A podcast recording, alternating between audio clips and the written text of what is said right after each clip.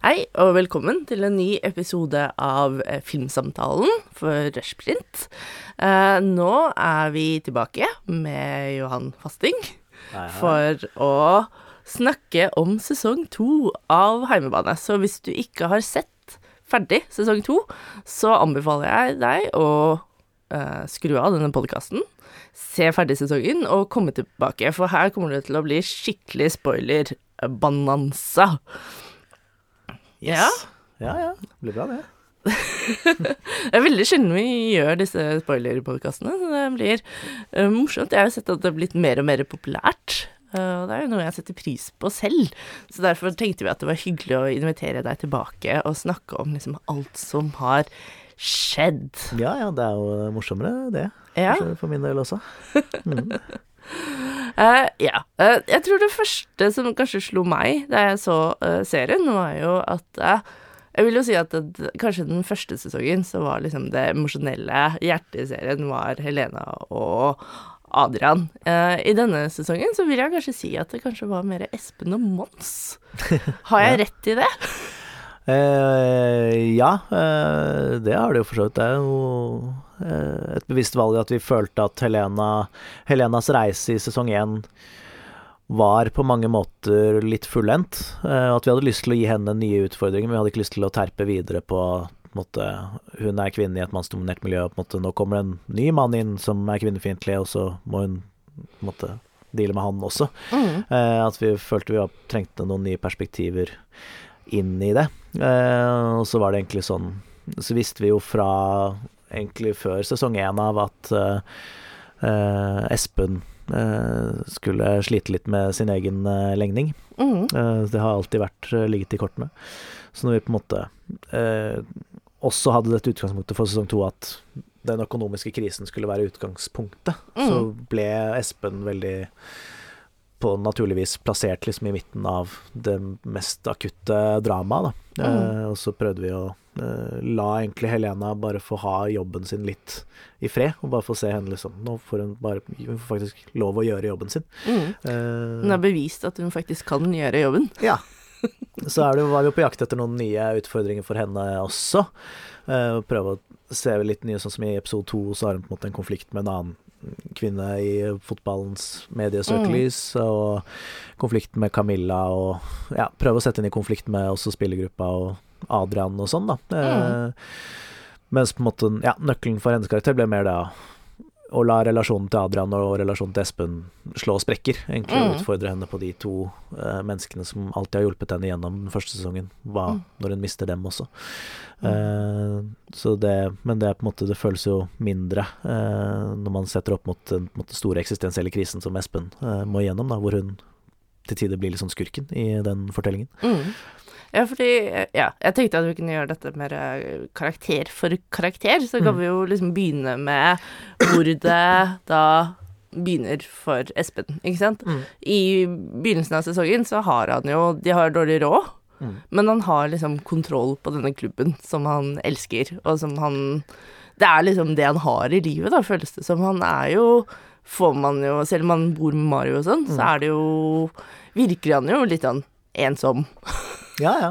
Uh, ja, det har alltid vært tanken det, og sesong to handler for meg veldig mye om ensomhet. Det er på en måte den emosjonelle tematikken som har vært en sånn rød linje gjennom for eh, alle karakterene, egentlig, og i veldig stor grad for Espen. Men eh, alle karakterene er tenkt som ganske ensomme i Mm. den sesongen, at det er det som driver dem til å ta de valgene de tar, da, enten på en måte konsekvensen av at de føler seg ensomme, eller frykten for å bli ensomme, er det som Mm. leder til mange av de valgene som tas.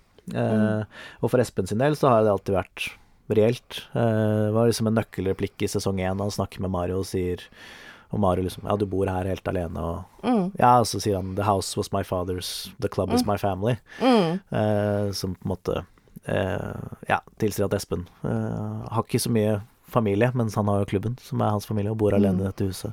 Så den ensomheten har vi alltid kjent en del på, da, og tatt videre, og på en Mm. måte følt at Ja, mye av årsaken til den ensomheten ligger jo også i at han eh, er en homofil mann i fotballen som ikke har kommet ut av skapet. Mm. Eh, så da er det jo det som jeg har pleid å si når vi snakker om den homofilitematikken i forbindelse med sesong to. Så er det, ja, skal du liksom, er det viktig for deg å ta opp homofili i fotballen? Og så, ja, på mange måter er det det, men det er også når sesong to for oss handler om ensomhet, eh, så er det også på en måte for oss en naturlig videreføring av den tematikken. For det er få ting som er mer ensomt, tenker jeg, enn å være mm. en homofil mann i skapet i fotballen. Jeg tenker det er en ganske sånn akutt uh, ensomt uh, posisjon å være i. Mm, men så ser man jo Altså får han jo da en utfordring. Han er i ferd med å kan man jo si, miste familien sin når disse investorene mm. kommer. Men da kommer det jo også inn en ny karakter mm. um, som ikke bare utfordrer hans rolle til familien, altså klubben, men også til sin egen legning mm. um, etter hvert i sesongen. Jeg må jo si at den eh, scenen eh, hvor de da sitter i sofaen mm. eh, til Espen og snakker, var eh, Den var også interessant, fordi denne andre karakteren ble også på en måte mye mer menneskelig. Altså, han, han fikk en slags um, en ekstra dimensjon da, som man kanskje ikke trodde uh, at han hadde i begynnelsen. Mm. Uh, men så Det som kanskje Så skjer dette, og så tenker man Hm, er dette et nytt romanseplott. Mm. Men så snur dere jo det helt på det igjen i den neste episoden, mm. hvor det da nesten utvikler seg mer til en sånn metoo-hendelse. Mm. Var det uh, bevisst at dere ville ha et eller annet sånn uforløst, at det ikke skulle gi liksom Espen den store kjærligheten, men at det heller handlet om å forstå sin egen identitet, da.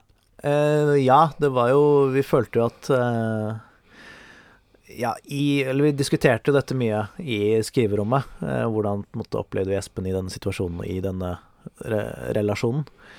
At en, for en som Espen, da, som har vært i skapet i hva da, 35-40 mm. år, på en måte i den verden han har vært mm. i skapet i, da, uh, så er det ikke på en måte gjort i en håndvending å på en måte akseptere det og på en måte gå inn i noen lykkelig relasjon.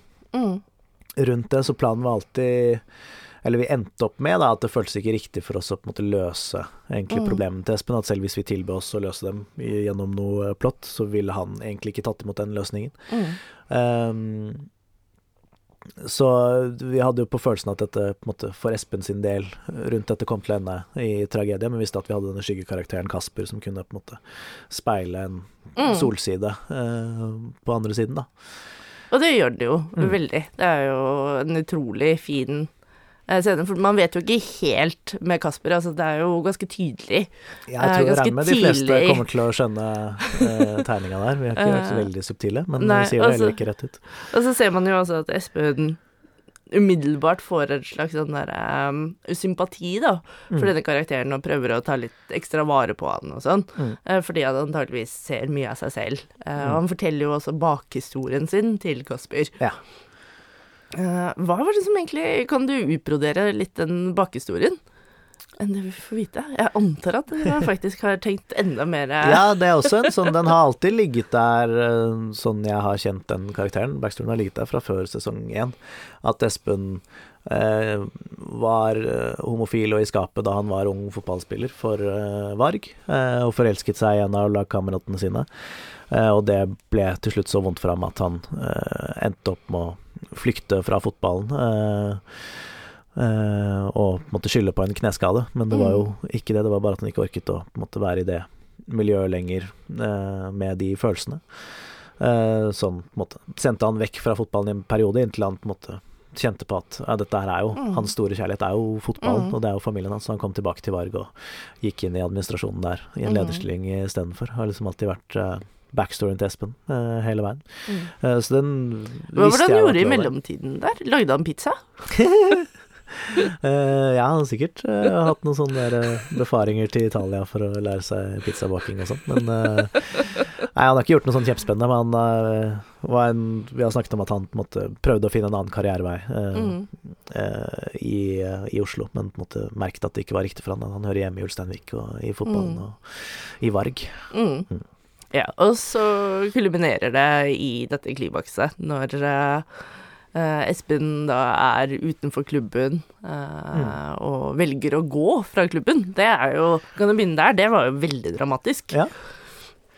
Ja, det, det er jo det, men igjen så føltes det riktig. Det er jo også en videreføring av den samme samtalen at for en mann som Espen, da, som har sittet inne og brent inne med disse tingene i eh, så lenge, at det er ikke gjort i en håndvending å bare snakke om det, akseptere det og deale med de problemene. At det sitter såpass langt inne at det egentlig han vil ikke klare å adressere det sånn eh, helt uten videre. Eh, Sånn, Mm. tror Når sesongen er ferdig, etter det Kasper gjør og på en måte Mm. tar det skrittet foran, så tenker jeg jo veien videre for Espen er fylt med mye mer håp, da. Men på dette Mm. stadiet eh, så føltes det veldig reelt for min del at Espen ikke ville eh, Han ville ofret sin store kjærlighet heller enn å på en måte Mm. se innover og på en måte deale med eh, Mm. de problemene som han kjenner på inni seg. Eh, men det er, jo ikke, det er jo et større bilde også. Det handler jo ikke bare om legningen hans. Det er jo Nei. En veldig stor del av grunnen til at Espen drar, er jo pga. det som skjer midtveis i sesongen, når Mm. klubben blir solgt mot hans vilje. Mm. Og han på en måte sakte kjenner at både den posisjonen hans i klubben og de verdiene han mener klubben står for, blir Mm. Spikket ned, da, til det Mm. ikke er noen ting igjen. Så når han står overfor det valget på slutten, så føler han at uh, ja, det er ikke noe igjen her for han, da. At de tingene han alltid har kjempet for, er uansett godt Mm. tapt. Eh, Mm. Så da kan han like gjerne på en måte Mm. Og det har jo også kanskje noe med at eh, klubben for Espen, siden det da er familien hans, Mm. Blir jo, det blir jo mer som å bli skuffet av et familiemedlem, og ikke skuffet av en jobb, på en måte. Ja, ja. Så det er jo mye mer emosjonelt. Mm. Uh, men jeg må jo si, uh, det var jo da jeg gråt aller mest, var jo uh, den scenen hvor Kasper da kommer ut Mm. live på ja. norsk TV, eh, og Espen bryter sammen og gråter. Da skal jeg innrømme at da gråt denne jenta her ganske greit også. ja, det er bra. Det er, eh, ja, det har blitt et fint eh, øyeblikk, det, syns jeg. Mm. Og så er det jo da slutten, hvor han forenes da med Helena igjen. Så kan Mm. vi jo gå over på Helena sin reise gjennom eh, sesongen. Fordi hun lærer jo også noe, selv om hun kanskje ikke står i disse konfliktene, så lærer hun jo eh, Hun har jo en kurve i sesongen, hun også. Ja da. Hun har jo det, hun har hatt det problemet siden sesong én, at hun alltid har prioritert resultater over mennesker. Det er jo Mm. hennes eh, ja, store svakhet som eh, menneske. Så det er jo det å prøve å ja, utfordre henne på det så mye som mulig, og så eh, ja, la henne lære noen lekser, lekser underveis, da. Eh, så det er egentlig en ganske sånn eh, ja, på en måte lett tilgjengelig narrativ for hennes del, da, som har på en måte ligget i kortene lenge. Hun går gjennom en lignende reise i sesong én, men Mm.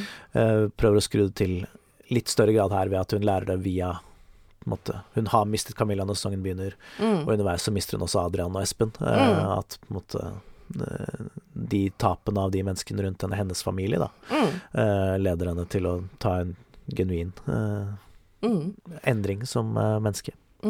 Og det er jo mer fokus på henne som mor, kanskje, også denne sesongen. Altså, det var jo Altså, jeg vil si at sesong én kanskje hadde mer fokus på Camilla som datter. Mm. Mens dette er jo kanskje mer fokus på Helena som mor, for hun må jo faktisk eh, steppe inn litt her. Mm. eh, og uh, gjø- være mer moderlig, altså hvor hun faktisk fremstår som den som må ta vare på uh, datteren sin. Mm. Uh, og hun gjør det faktisk også, Ja. i større grad. Mm. Uh, så det er jo kanskje umulig å snakke om Helena sin reise uten å egentlig komme inn på Camilla sin. Mm. Fordi der Camilla blir jo gravid Ja. og tar en abort. Mm. Eh, jeg tenkte på Jeg må innrømme det, jeg så den. Jeg på og det hadde vært så gøy hvis uh, dere hadde latt det gå så langt at det faktisk var tvillinger. Unnskyld. Tvillinga, tvillingabort? ja. Det, den ideen dukket ikke opp i skriverommet, men uh. Den, I fjor så uh, traff dere jo veldig godt med metoo, ja. Så da kunne dere jo truffet veldig godt på den hete poteten. ja, vi burde vært litt før vår tid der òg, det er sant det. Men det er jo da en abort på norsk, norsk TV. Altså nå har man jo sett det før, tror jeg. Ja, det har man har sett på TV i hvert fall. Ja. Jeg vet ikke om man har sett på norsk TV, det kan jo hende det. Jeg kan ikke komme på noen sånn på stående fot, men Nei, ikke heller, faktisk. var inne og kikka på Vet du hvor Girls gjorde det, og uh, Glow, er det den heter? En wrestling-serie. Mm.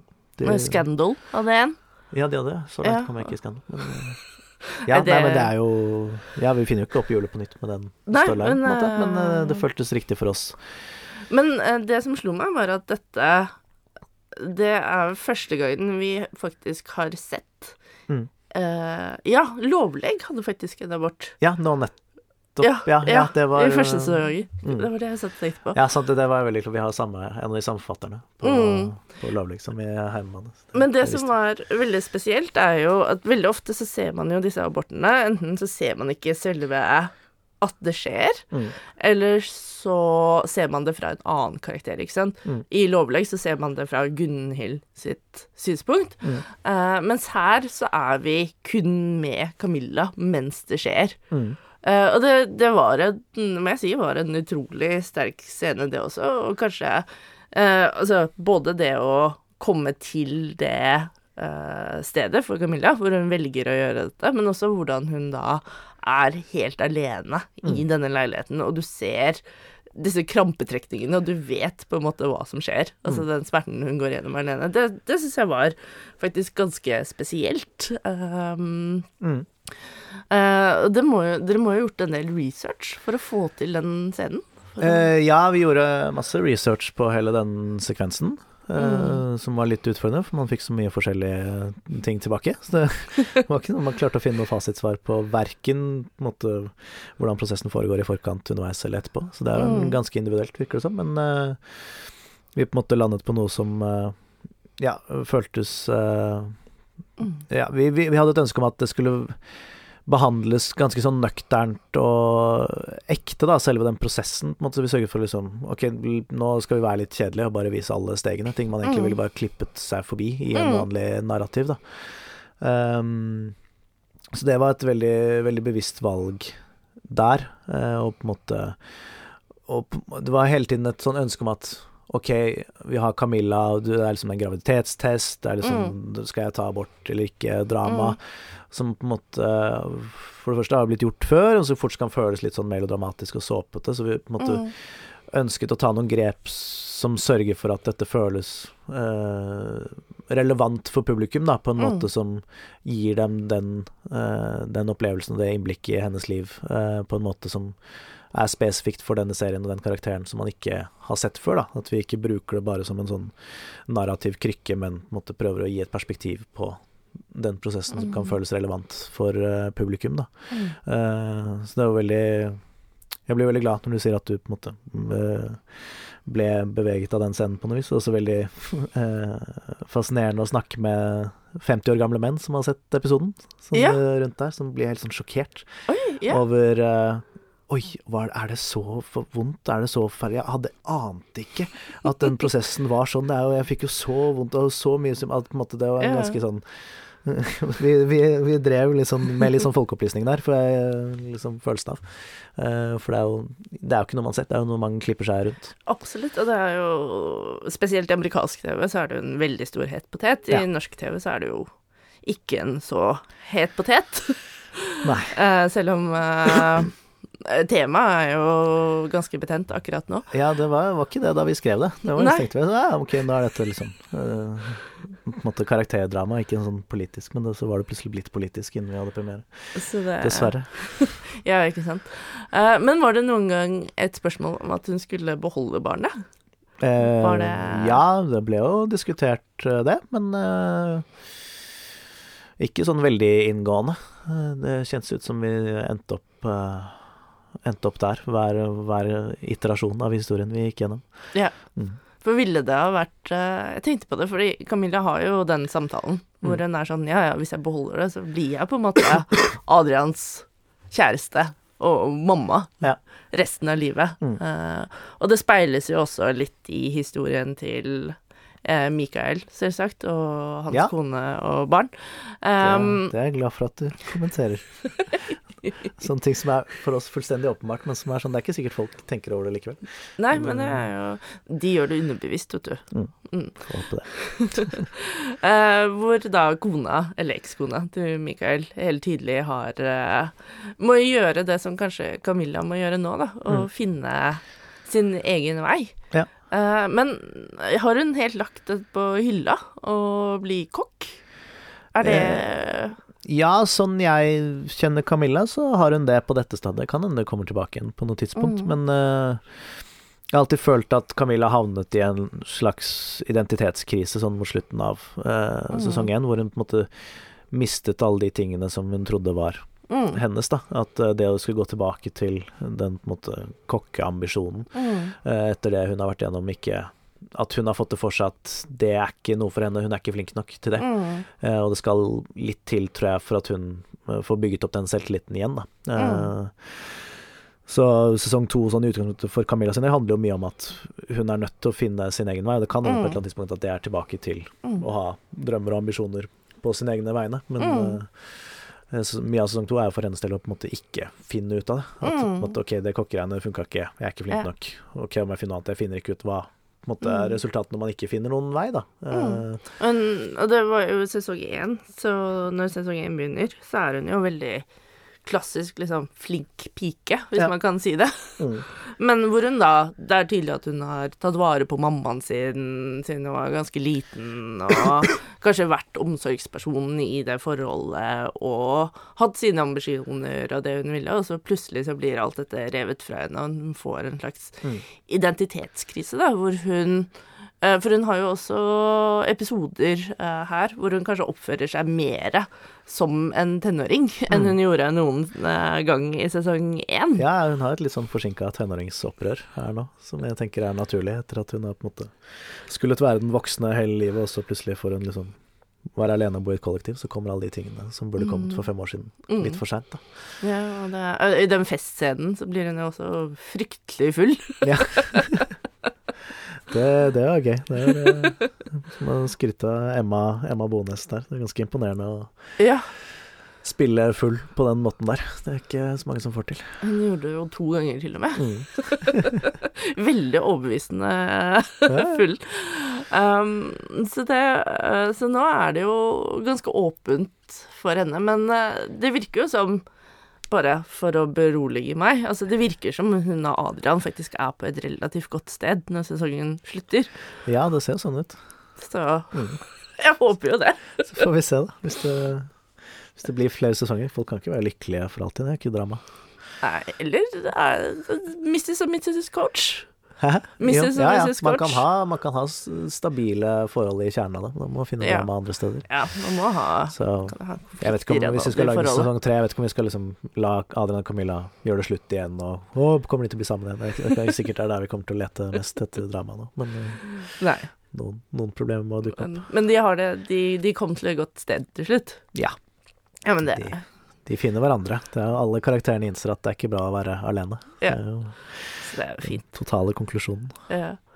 Um, Adrian, uh, han har jo også en slags uh, reise hvor han uh, blir mer uavhengig. Hvor han liksom løsriver seg fra kanskje spesielt Helena, da, som Mm. sin sånn morsfigur, og må finne sin egen vei her. Ja. Og det er jo en ganske dramatisk eh, scene, det også. Mm. Når han på en måte sier at eh, nå må jeg få lov til å stå på egne ben her. Ja. Men det var jo også Han tok jo også mindre plass denne sesongen. Mm.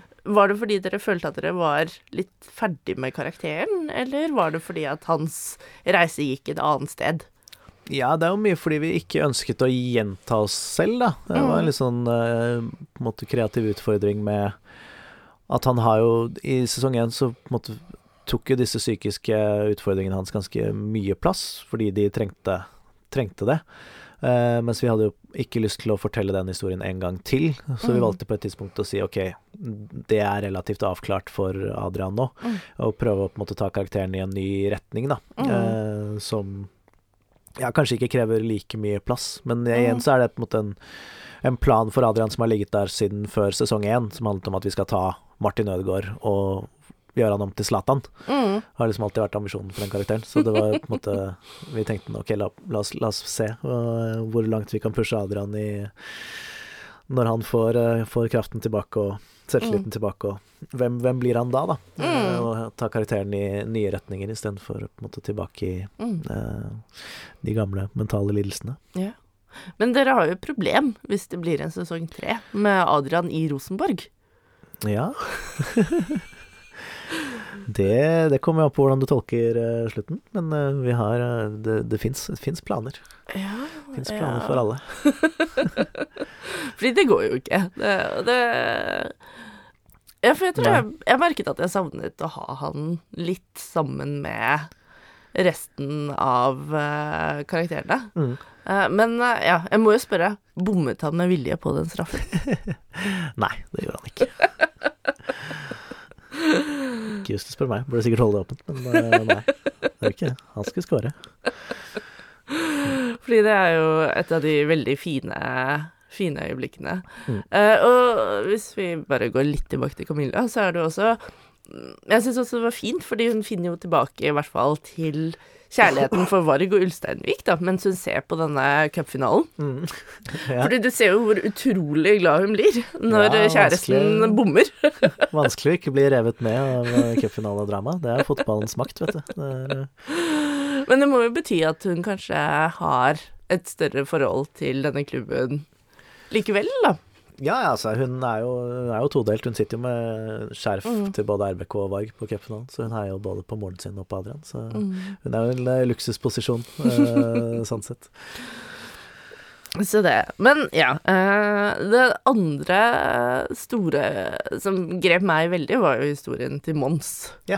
Og jeg hadde Det, hadde jeg, det kom veldig uventet, tror jeg, mm. eh, etter å ha sett sesong én. Altså, man blir jo veldig glad i Mons i sesong én. eh, jeg syns jo det det- hele det toastjernet Kanskje min lille sånn favoritthistorie fra Ja, ja. sesong én. Det store var så- dramatiske øyeblikket. og er veldig sjarmerende. Um, mens her er det jo noe helt annet som Mm. skjer. Uh, det er jo jævla Ålesund igjen, da, selvsagt, Ja. som tar og brekker beinet på Mons. Det er fælt. Ja. Mm. Og det var jo når jeg begynte å se episoden Det er jo siden Vi snakket jo forrige gang om um, dette med gleden ved store episoder, og da nevnte jeg vel at uh, Mons-episoden var min favorittepisode i sesongen. Ja. Eh, Hvor det begynner en litt sånn drømmesekvens og Um, Jeg trodde faktisk uh, det skulle være nesten en drømmesekvens hele episoden. Ja. hadde, hadde du gjort noe sånt hvis du hadde hatt mulighet til det? Så hadde hatt noen Eh, episoder til? Ja, ja, jeg kunne jo Jeg ville jo hatt så mange episoder som bare det. Eh, så var jo, var jo inne på tanken veldig lenge om å gjøre dette sånn musikaldrømmesekvens. Oi. Eller en hel episode. Men eh, det ble ikke, ble ikke tid til det. Nei. Men sånn, hvis vi hadde hatt 22 episoder, så hadde jeg garantert klart å skvise inn en sånn drømmemusikalepisode rundt akkurat den. Da hadde jeg bare liksom gjort meg ferdig på uh, Ulsteinvik stadion, og så Neste klipp, neste episode er Mons på sykehuset med en drømmemusikal. Det hadde vært, hadde vært gøy, men uh, Ja, det, nå tror jeg du øh, beskrev drømmeepisoden min av hjemmebane. ja, man har lyst til å se Nader Kademi liksom danse rundt i gangene og knipse og synge, synge sanger. Men det, jo, men det som skjer, er jo faktisk utrolig, utrolig trist. Mm. Fordi karrieren hans er jo rett og slett over. Yep. Han kan Han er for gammel til å komme tilbake, Mm. rett og slett. Så det er jo også Men det er jo ikke bare det. Men det er jo liksom hvordan han blir forlatt alene på sykehuset. Ja. Som er så utrolig trist. Som gjør at han liksom får disse drømmesekvensene helt alene, og Mm. da kommer man jo tilbake til temaet som du snakket om, med ensomhet. Ja. Var det liksom bevisst at ingen skulle reise ved- med han og Ja, ja, det er, jo, det er jo tanken. Det spiller jo inn i på en måte hele den Mm. sesongtematikken eh, om å Ja, ensomhet og ikke ikke gjøre vonde ting alene, er jo på en Mm. måte eh, budskapet i det. Og det er på en måte Ja, måten vi jobber på, så er liksom Hva er det verste som kan skje hele tiden? Mm. Hva er det som gjør vondt? Og for Mm. Mons er det jo Det man begynner med, er jo når Mons knekker beinet. mm. Uh, ok, hva, hvorfor er dette forferdelig for Mons? Er det fordi han ikke får lov å spille fotball lenger? Ikke egentlig.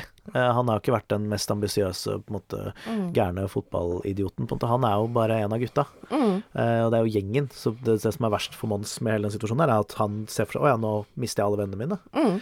Eh, så det var ganske lett tilgjengelig, den frykten. Og da handler jo på en måte resten av støyen om å bygge opp rundt den frykten, da. Eh, og samtidig egentlig bruke det som et eksempel på hva som har gått galt med Varg sin sjel, da, som Mm. Helena plukker opp igjen i siste episode.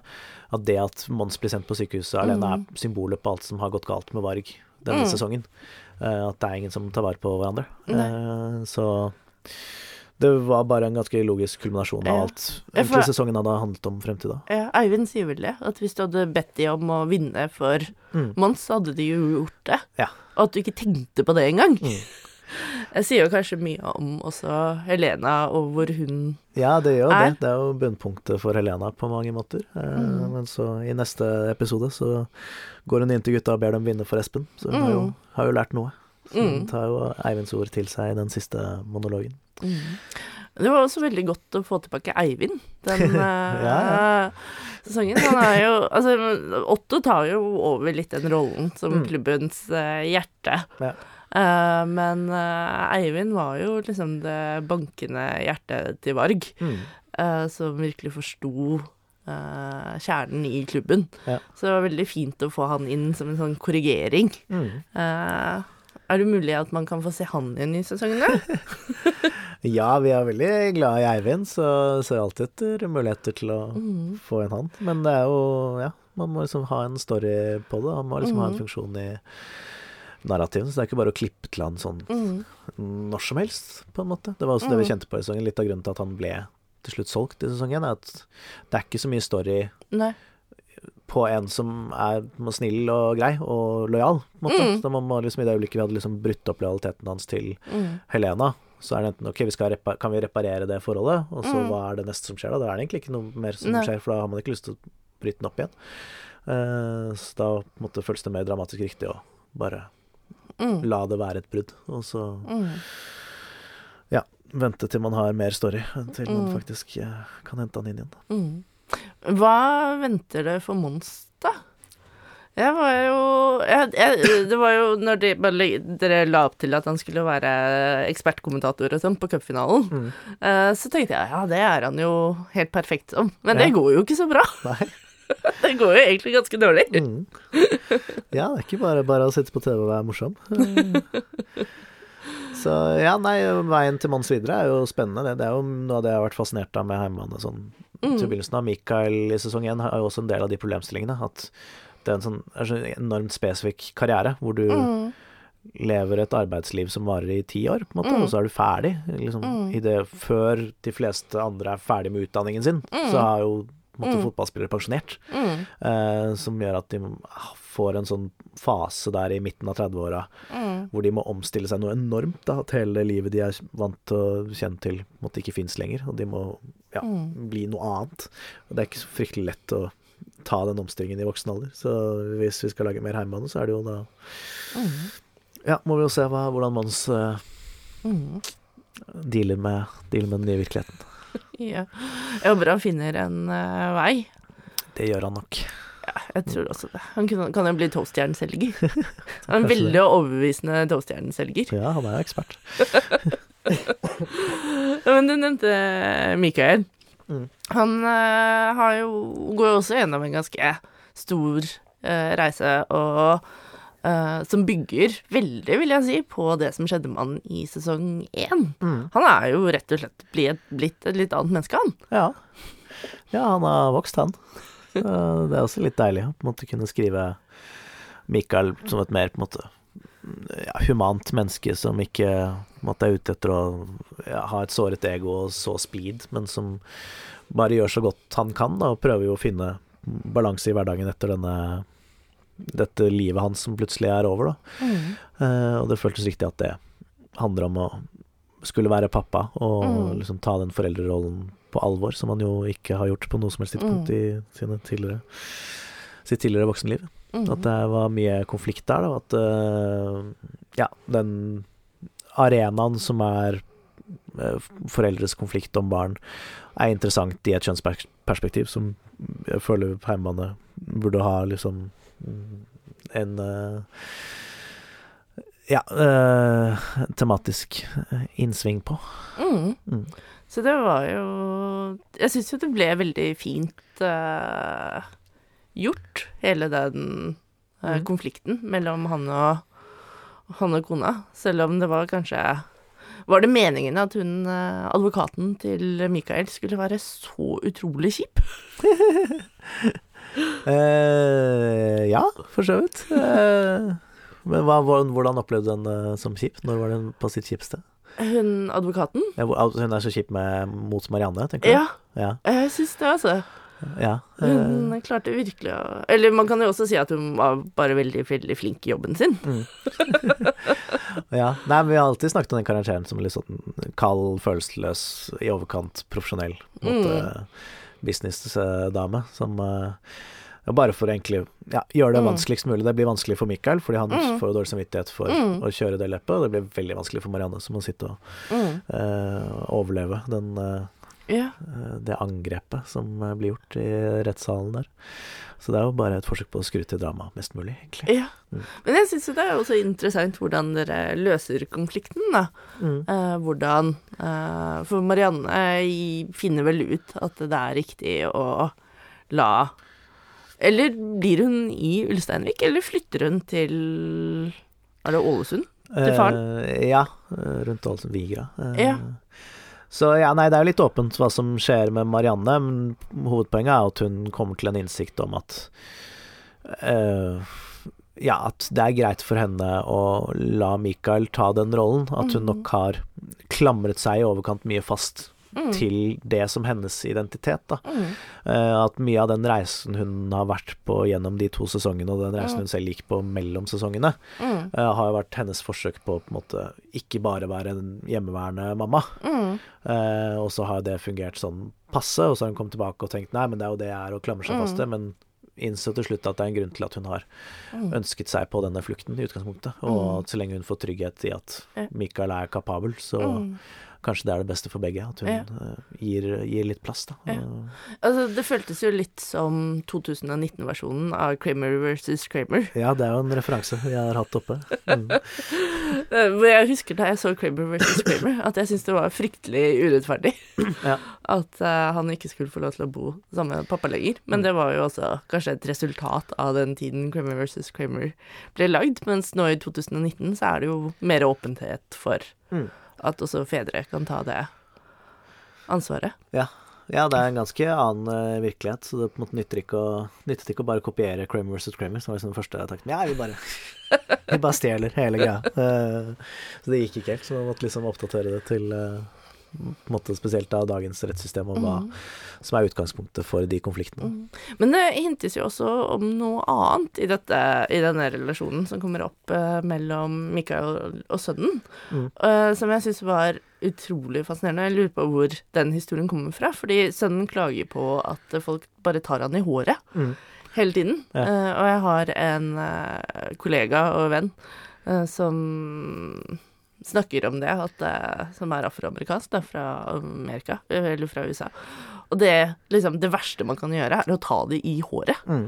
Uh, så jeg lurte litt på hvor den historien kom fra, fordi det er jo Ja, nei, men jeg har også hørt om flere som Mm. eh, sliter med det, da, at det er på en måte en frihet folk tar seg som er ganske invaderende og frekk. Uh, Det er jo ganske rasistisk. Ja, det er jo på en måte utelukkende på grunn av 'oi, du har rart hår, du ser annerledes ut'. Det er jo, det er jo der det kommer fra. Eh, så det er jo Ja, nei Ja, så det er jo flere tilfeller av den historien. I vårt tilfelle så var det en barndomskamerat av en i skriverommet som hadde det Mm. problemet på barneskolen, Mm. akkurat sånn som Eskil Mm. skisserer opp i, eh, i den scenen. Mm.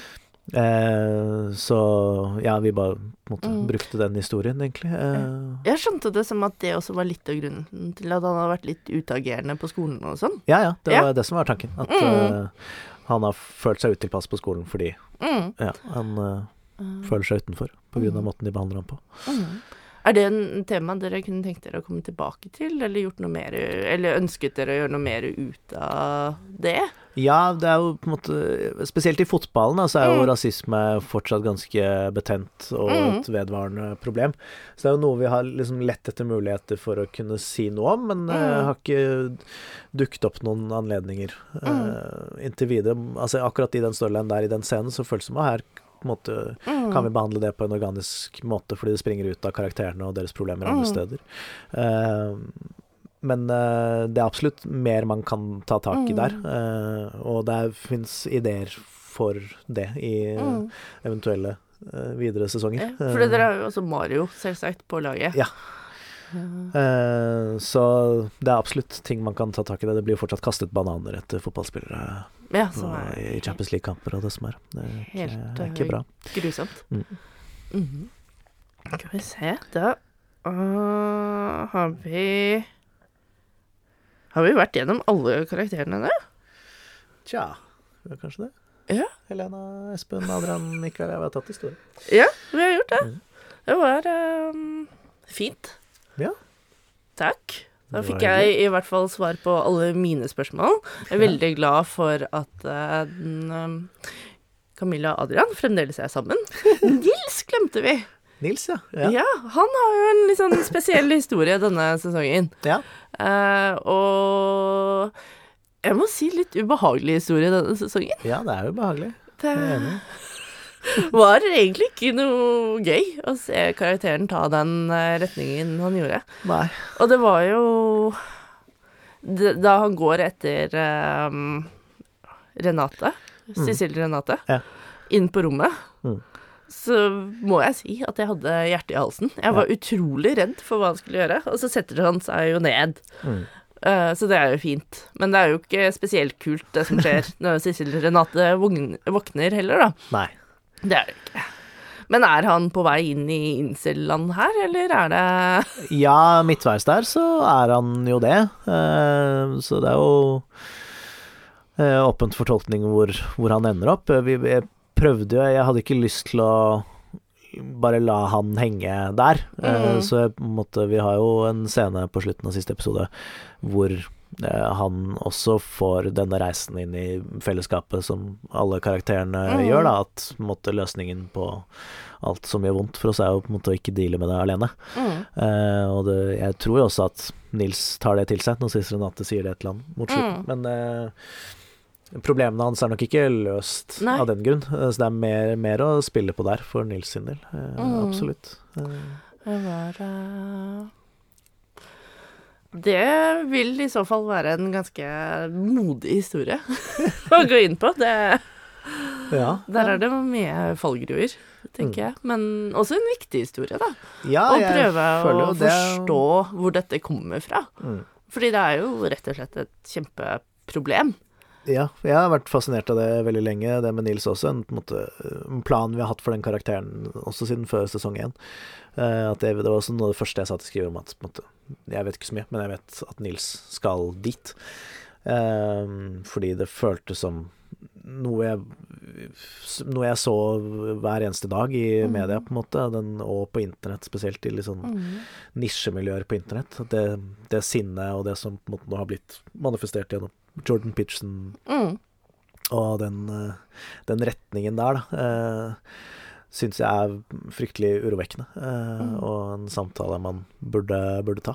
Mm, absolutt. Altså at det gjøres som Altså man prøver å forstå hvor det kommer fra, og det kan jo Nils være en ganske god eh,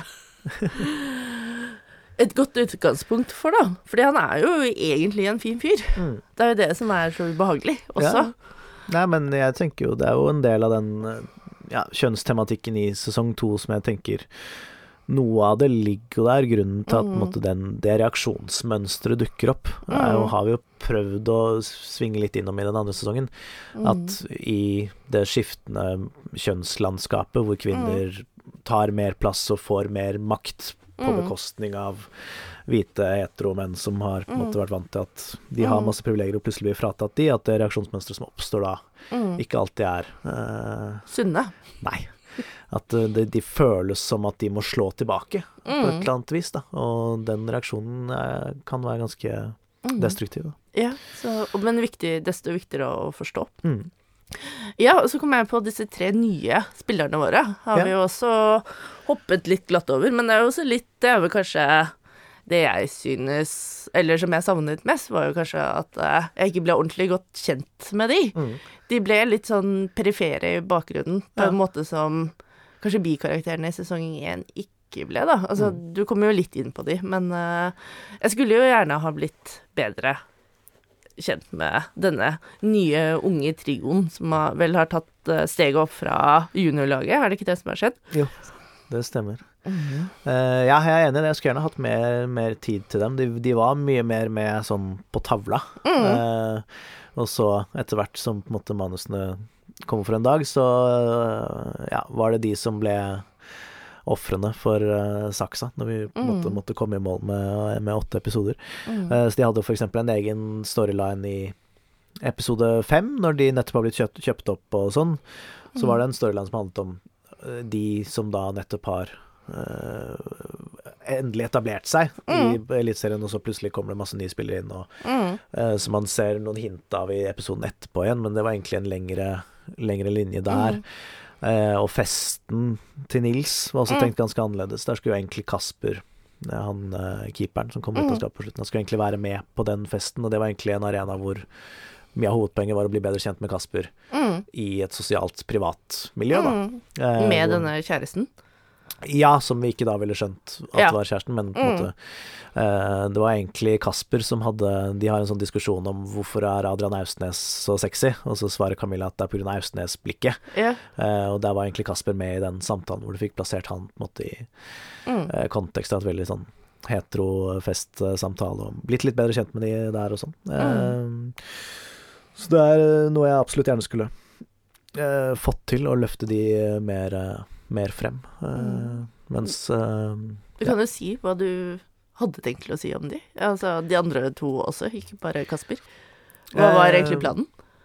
Nei, nei altså planen var, planen var jo det du ser, på en måte. Mm. Men ved å bli bedre kjent med dem, så ville man jo Mm. kanskje følt mer med dem Mm. mot slutten. Da. Spesielt Kasper hadde jeg ambisjoner om man skulle bli bedre kjent med enn man ble. Mm. Eh, men jeg føler Det er også litt pga. den derre åtte episoders binge-dramaturgien. Mm. At de scenene som handler om Kaspers De ligger Mm. som det er en, et blikk i episode to, og så er det en Mm. scene, to scener i episode tre, og så Mm. er det en veldig lang pause, og så kommer litt Mm. tilbake igjen i episode åtte, på en måte. Eh, Mm. Mens måte, man egentlig burde hatt Hvis vi hadde hatt 22 Mm. episoder, da, så hadde det vært en egen episode hvor Kasper Vi fikk følge han, bli kjent med han, eh, men som på en måte ble ikke rom for her i den åtte episoders eh, Mm. Ja, og det Eh, gjorde jo også at tenåringsdrama ble Det ble jo mindre av det også, siden eh, Adrian og Camilla De har jo sine storylines, men det er liksom ikke den på skolen i Ulsteinvik. Du har jo mye mer sånn tenåringsdrama uh, i sesong én, også på grunn av de og Nils. Mm. Um, så Ja, men kanskje vi kan bli litt, enda litt bedre kjent med de i Ja, hvis det blir sesong tre av Heimane, så er jo Kasper den desidert viktigste karakteren. mm, Uh, så Det er jo et fint løfte. det kan jeg Det skal jeg, det lover jeg. Men uh, Ja. Ja. Det er jo, det er jo jeg kan ikke love at det blir noe sesong tre. Men Nei. eh, hvis jeg får skrive sesong tre, så er Kasper den første karakteren jeg kommer til å Og det er absolutt lov for seerne våre å sende e-poster og brev mm. uh, og tweets til NRK, ikke sant? Ja, det anbefaler vi. Sånne kampanjer har i hvert fall fungert i utlandet før. Mm. Eh, det, Ja, sende nøtter eller noe, var ikke det Jericho-fansen gjorde? jo, jo. Hva, hva skulle man sendt sånne Hva er det som man kunne sendt fra Varg, da? Nei, godt, godt spørsmål. Tror jeg Ja. nesten fansen må finne ut av. Ja. Men det var kjempefint å få en liten sånn oppsummering av sesong to. Mm. Tusen takk for at hyggelig. du kom på besøk igjen. Kos meg. Så håper jeg at eh, kan, du kan komme på besøk igjen for å snakke om Ja, du har jo et nytt prosjekt på gang, ikke sant? Ja da, det er det. Vi skal jo prøve å lage noen filmer og noe greier. Så, mm. Men det er nok noen år, år til neste premiere. Ja. Men du er alltid hjertelig velkommen Ja, er eh, som eh, gjest i Filmsamtalen. Egentlig også bare for å komme og snakke om TV og sånn Ja. generelt. Det er var også helt morsom- greit, altså. Morsomste det. Du trenger ikke å selge noe, altså. Eller promotere noe. Nei, kom gjerne og snakker om alle de nye Netflix-seriene. Ja, som du nå har tid til å se på. Ja, endelig. Ok, men tusen takk, og tusen takk til dere. Så er vi tilbake med en ny Filmsamtalen igjen, forhåpentligvis, om ikke så altfor lenge, med Jon Inge og Kai også, som er ute med diverse skriveprosjekter. Takk for i dag.